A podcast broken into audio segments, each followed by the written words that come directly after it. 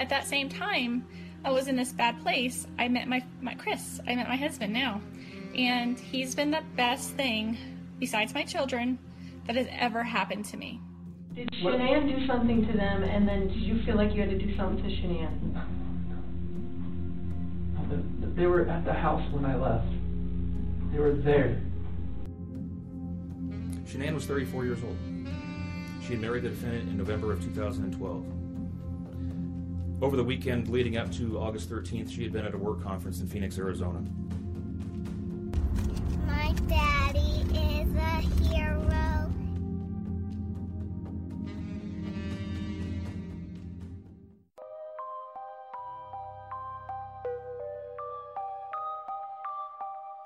Sett deg godt til rette med noe godt i kroppen, og bli med inn i mord og mysteriers verden.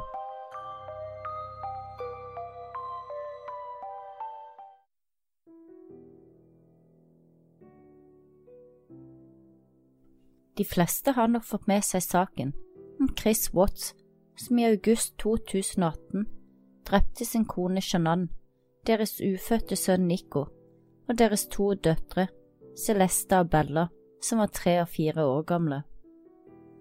Saken har fått stor oppmerksomhet verden over, av flere grunner.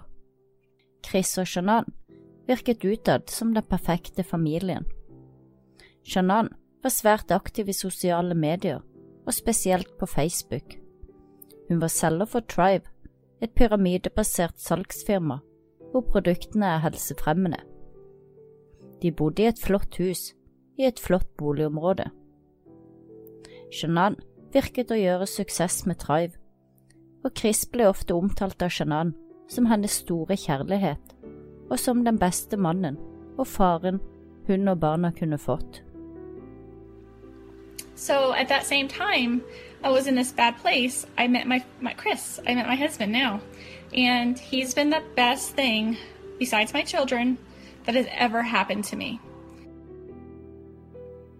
Av venner ble Chris beskrevet som den snilleste, roligste mannen. En god venn som alltid stilte opp. En som sjelden kranglet. En god far og oppmerksom ektemann. Shannan og Chris hadde vært gift i mange år, og alt virket å være i skjønneste orden, frem til sommerferien 2018, da Shannan reiste på ferie til foreldrene sine med barna i seks uker. Før hun reiste, virket alt som normalt. Chris kunne ikke holde fingrene borte fra henne, og hun følte aldri at Chris ikke elsket henne. Mens hun var på ferie hos foreldrene, så endret noe seg, eller Chris endret seg. Plutselig opplevde Shannan at Chris virket kald og umottagelig. Hun forsøkte å prate med han, men han bortforklarte det med at det var han som sleit, at det var i hans hode, og at han tvilte på ekteskapet. For Shannan kom det hele som lyn fra klar himmel, og tanken på at Chris skulle forlate henne, gravid og med to døtre, var en tanke hun ikke orket å tenke på engang. Hun var sikker på at hva enn problemet var, så kunne det fikses. Hun innså at hun kunne være litt kontrollerende og bestemt til tider, og hun brukte mye tid på Trive.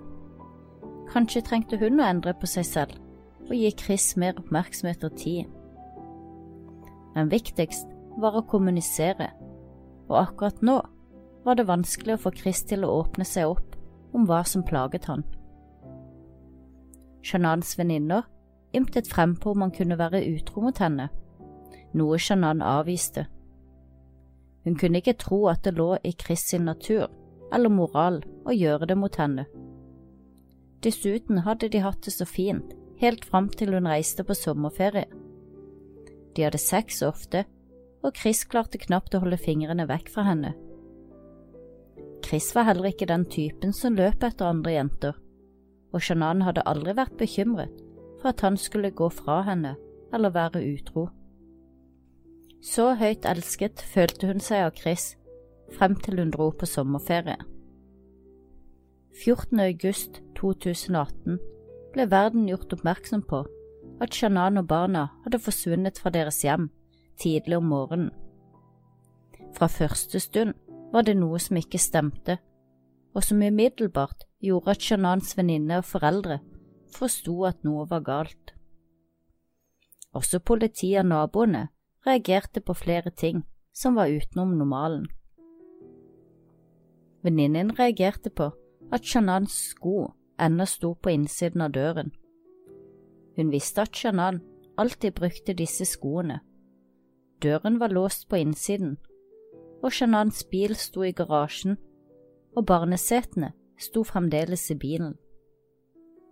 Shanans venninne visste at Shanan aldri kjørte barna noe sted uten bilsetene, og hun hadde hatt en avtale hos legen denne morgenen som hun ikke hadde møtt opp til. Shanan og venninnen hadde vært bortreist i helgen på et drive-møte, og hun hadde kjørt Shanan hjem fra flyplassen klokken to på natten. De hadde avtalt å prates etter Shanans legetime, som var klokken ni samme morgen. Shanan svarte heller ikke på telefonen og sosiale medier, og alle som kjente Shanan, visste at dette ikke var normalt. Da venninnen Nicole ringte til Chris, kunne han fortelle at Shanan hadde sagt at hun skulle ta barna og reise til en venn, da de hadde hatt en opprørende samtale om separasjon om morgenen. Shananas venninne kjøpte ikke forklaringen, og hun var også bekymret for at noe hadde skjedd med Shanan, og at hun lå inne i huset uten mulighet til å skaffe seg selv hjelp. Så hun ringte til politiet, som kom raskt til stedet. En av tingene som har gjort at denne saken har fått ekstra oppmerksomhet, er at politiet hadde på seg kroppskamera fra første stund. Så her får vi følge Chris sin oppførsel og reaksjon fra det øyeblikk han kommer kjørende hjem fra jobb og møter politiet og Shanans venninne Nicole i gården. Jeg har laget en dokumentar om dette som ligger på YouTube. Jeg legger linken under beskrivelsen for dere som ønsker å se den. Her får dere følge Chris Watts fra første øyeblikk, hvordan han svarer på spørsmål, øyeblikket når han står inne hos naboen og ser seg selv på overvåkningsvideoen, fra første avhør til løgndetektortesten, frem til tilståelsen og den etterfulgte dommen i rettssalen. Alle disse øyeblikkene er godt og sterkt dokumentert. Jeg tror mange ble fascinert av saken fordi vi alle kjenner en Chris Watts. Han var ikke en mann man forventet kunne gjøre noe så grusomt. Ingen historikk i hans liv tilsa at noen ville vært innom slike tanker engang. Aldri var han høyrøstet, aldri hadde han hatt noe i nærheten av voldelige tendenser. Han var kjekk, snill, god, oppmerksom, arbeidsom, og det mange ville beskrevet som drømmemannen slik også Shannan beskrev han mange ganger til alle sine venner og følgere på Facebook. Så hva skjedde med Chris Watts, og fortalte han sannheten i sine første avhør? Det Shannan ikke visste, var at Chris hadde startet en affære mens hun var på sommerferie hos foreldrene. En kvinne som fikk Chris til å føle ting han ikke hadde følt før eller på veldig lenge. I takt med at følelsene økte for sin kollega Nikki, forsvant også kjærligheten til Shannan. Men var det slik at Chris valgte å drepe fremfor å skille seg, eller var det noe mer som lå bak? Chris har nå fortalt sin historie og sin sannhet via flere brev til en kvinne som heter Sherlyn Cadel, med den hensikt å gi det ut i bokform. Dette skal ifølge Chris være den fulle sannheten om hva som skjedde den morgenen han drepte hele familien sin. I sitt første avhør, hvor han tilsto drapet på Shannan, så la han samtidig skylden på Shannan for drapene på barna. Ifølge Chris hadde han sett Shannan drepe barna. Da klikket det for han, og så drepte han henne. Men noen måneder senere da politietterforskerne besøkte Chris i fengselet, så fortalte han at det var han som hadde drept dem, ikke Shannan. Det var viktig for han at Shannan ble renvasket. Hun hadde ikke drept barna, det hadde han gjort. Og alle slo seg til ro med at dette var den fulle sannheten. Nå vet vi at det var ikke hele sannheten, og derfor ble nok mange sjokkert når Chris fortalte hva som egentlig hadde skjedd den natten, og hvor brutalt det egentlig hadde vært. I boken Brev fra Christopher, den tragiske innrømmelsen om drapene på Watts-familien, er det som kommer frem fra brevene til Chris, sterk lesning. Og merkelig nok så tror jeg mange klarer å finne sympati for Chris, på tross av det han har gjort. Og jeg tror oppriktig at om han hadde sluppet ut av fengsel, så ville han aldri ha gjort noe galt igjen. Chris er ikke en typisk morder med en typisk fortid, eller med noen tegn som kunne forutsett at han kunne gjøre noe så hjerteløst. Likevel så gjorde han det, og ved å forstå Chris kan man kanskje forstå hva som skjedde. Chris selv har hele tiden, også i avhørene, fortalt at det var som om noe annet tok kontroll over han den natten han drepte familien sin og i ukene før, som en ukontrollerende kraft han ikke klarte å styre selv. I boken er dette et gjennomgående tema, om Gud og demoner. Chris selv føler at noe tok over kroppen og hjernen hans, noe mørkt og dystert som han opplevde forsvant etter noen måneder i fengsel. Kan man bli demonbesatt, eller er det hjernens måte å beskytte seg selv mot de traumene man har påført seg selv og andre? Eller var det virkelig noe i Chris og Shanans hus som påvirket ham til å ta negative valg hele veien? Jeg skal ikke avfeie teorien totalt. Det er faktisk dokumentert flere ganger at noe foregår i Chris og Shanans hus som ikke kan forklares.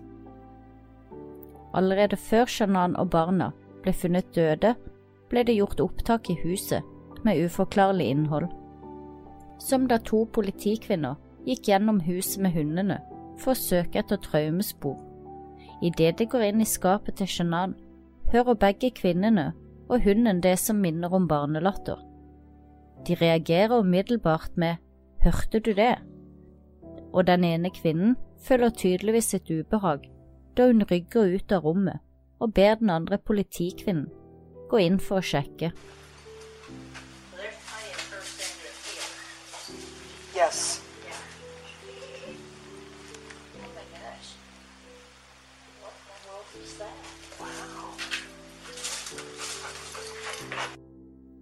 Kanskje ligger det en barneleke på gulvet som hunden trødde på.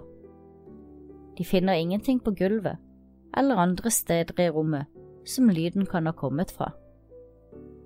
De trekker seg stille ut av rommet, og det er ikke noen tvil om at her opplevde de noe uforklarlig.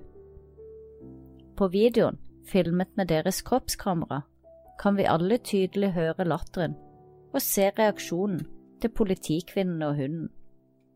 Også flere ganger etter drapene har politiet blitt tilkalt av naboene til Chris og Shanann.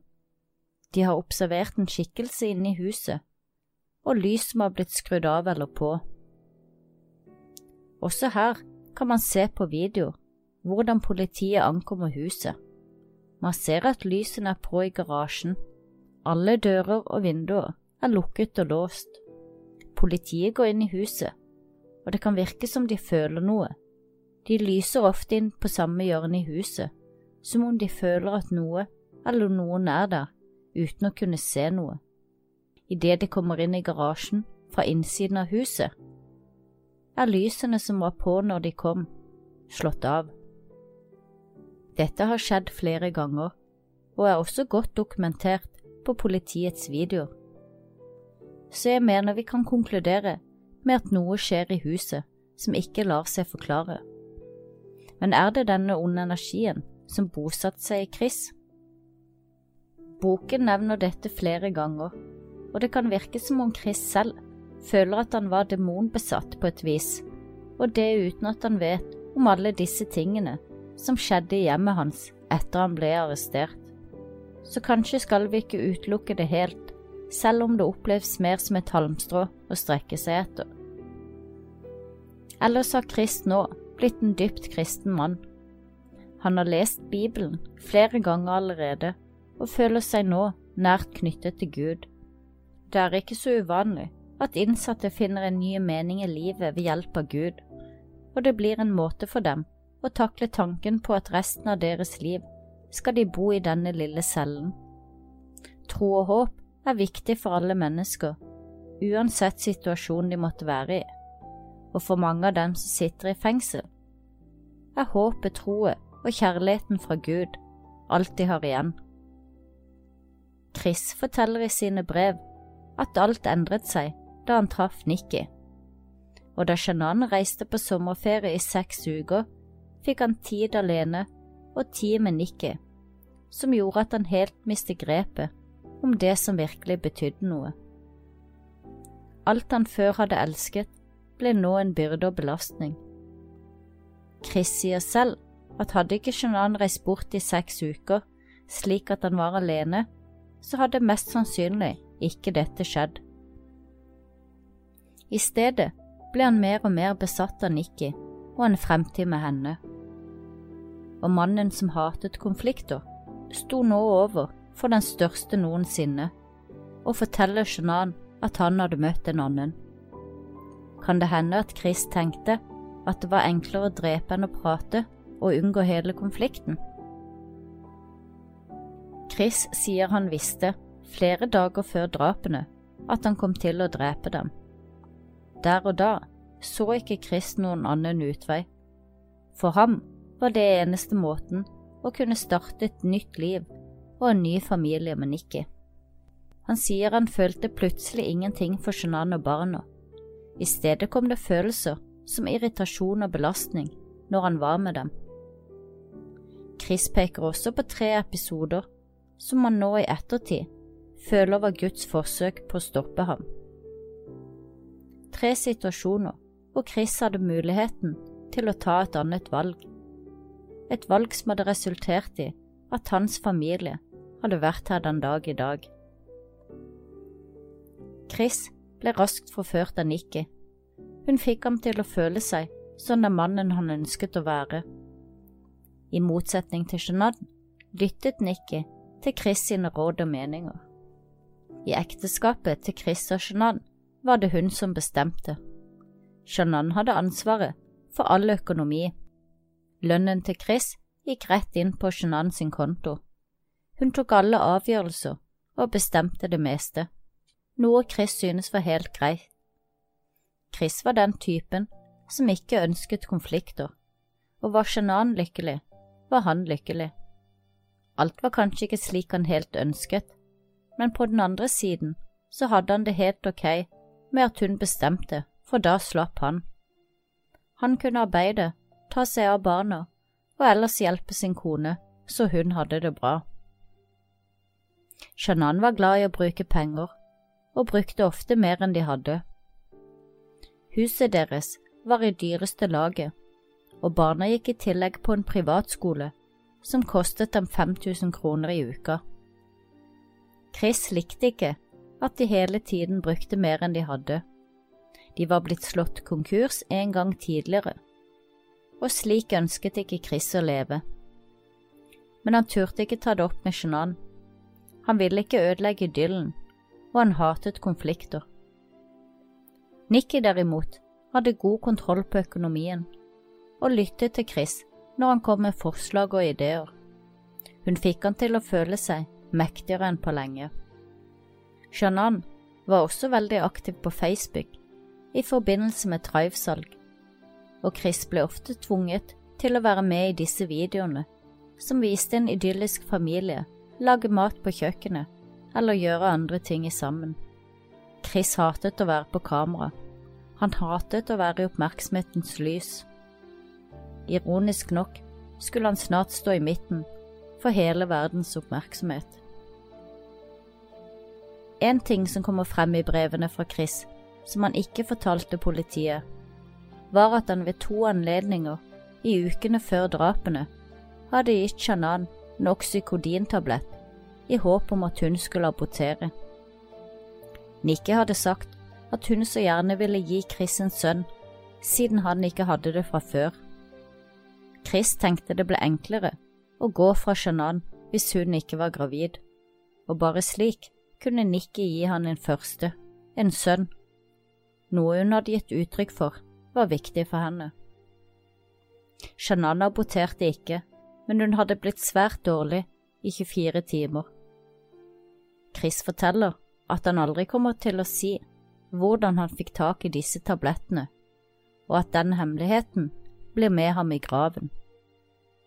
Men det som er mest opprørende, er hva som virkelig skjedde den natten han drepte sin kone og barn.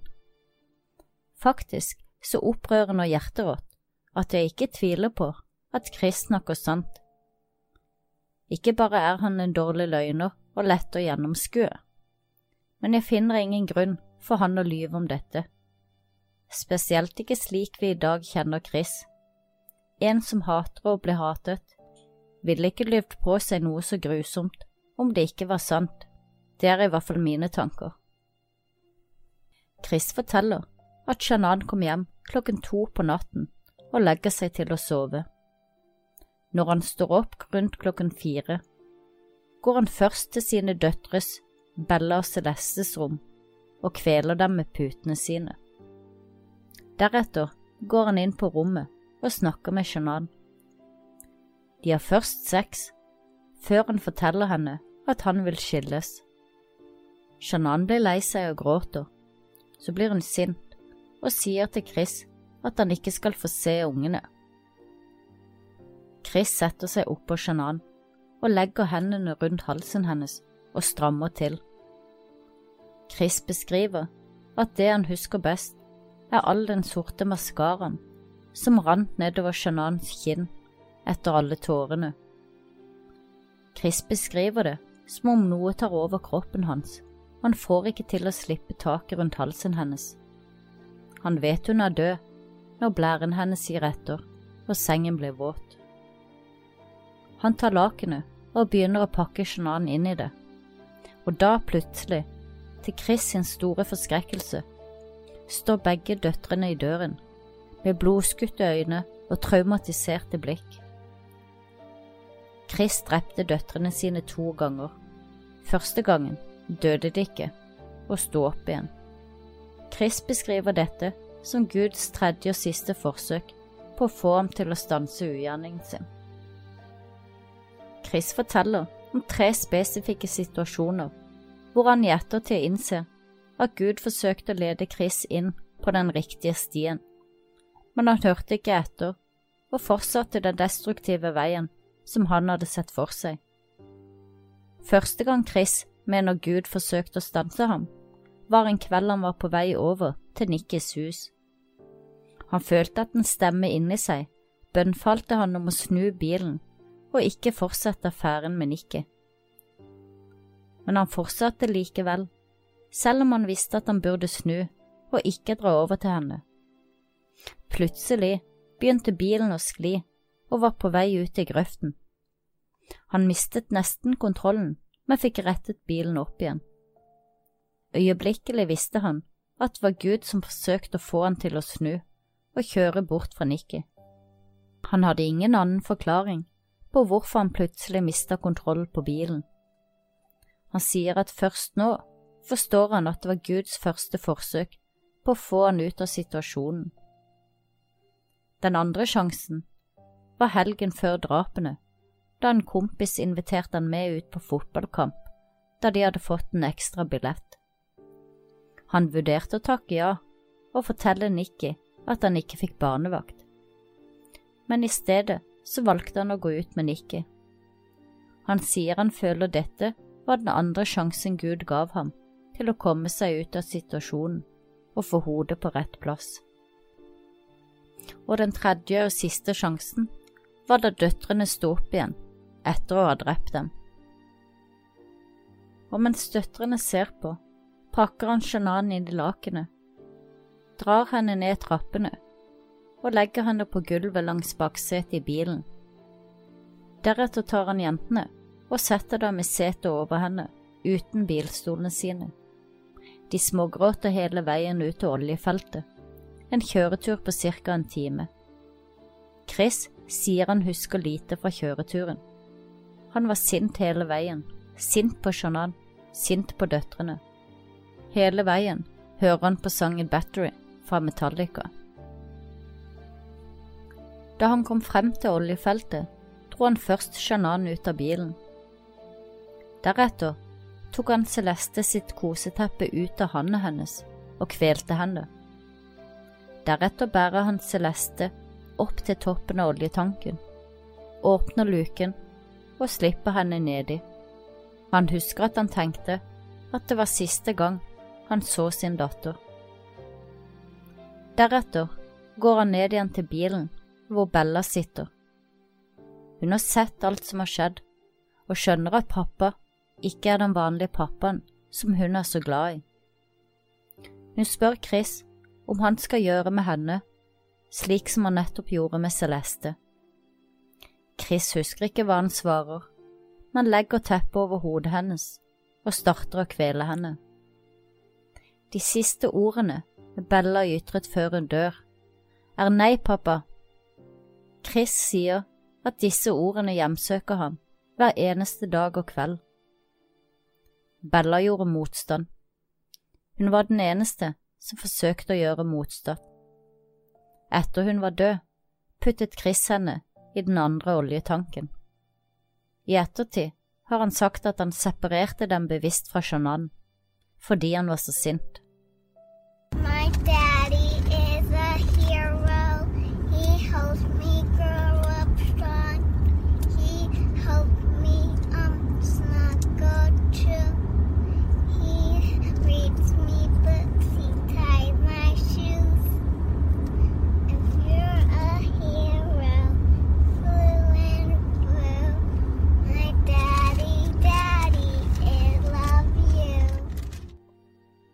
Chris følte ingen anger etter drapene.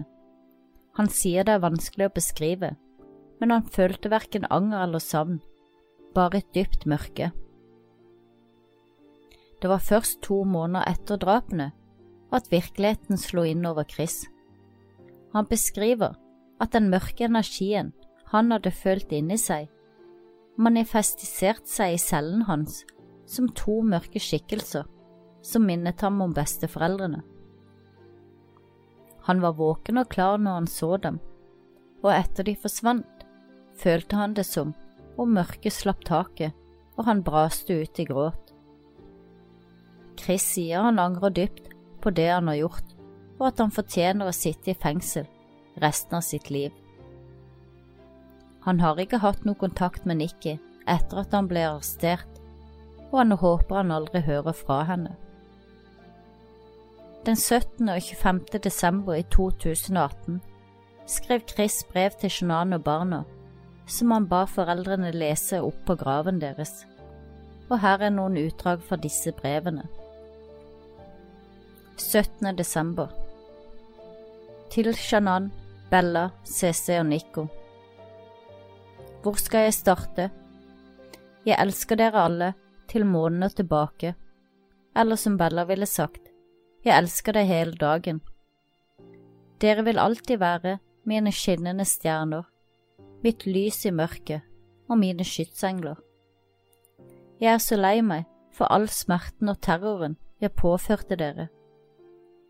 Mitt hjerte blir revet i tusen biter over at jeg kunne gjøre noe slik. Å være far og ektemann var en ekte velsignelse fra Gud. Jeg var blind og klarte ikke å se de velsignelsene han ga meg.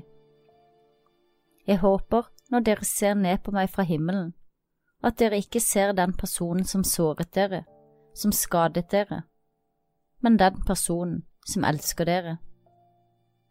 Jeg ber om at dere sier, der er min mann, og der er min far.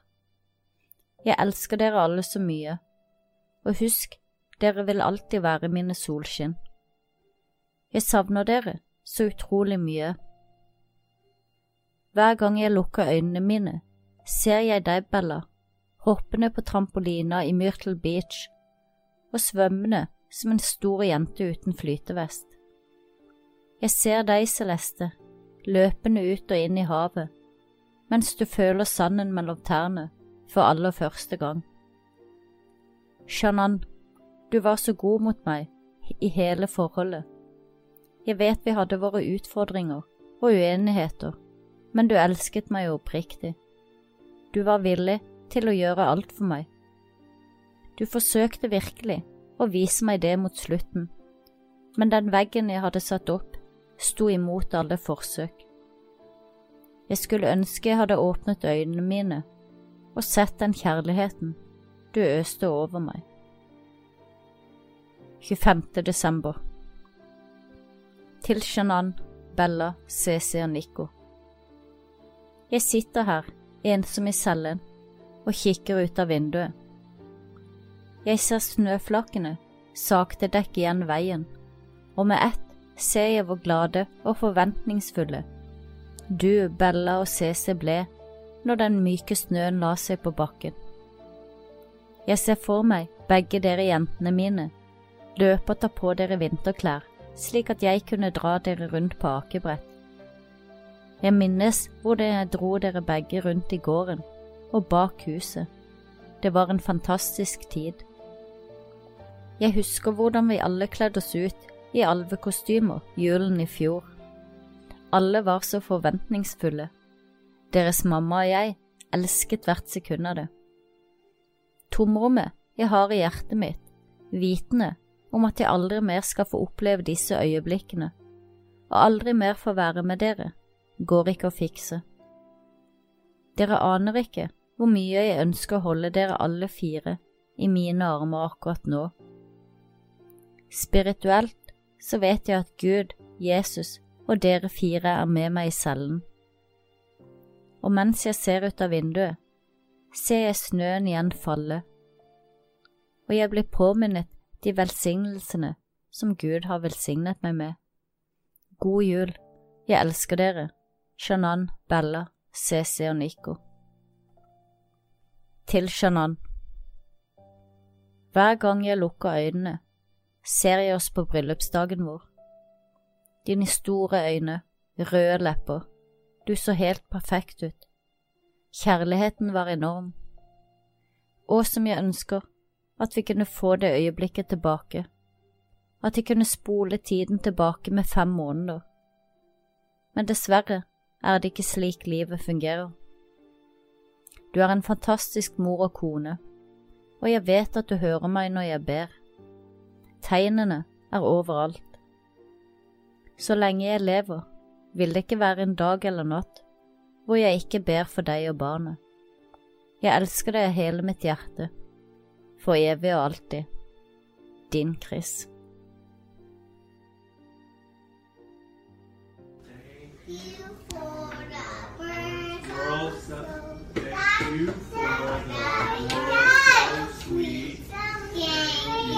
for the food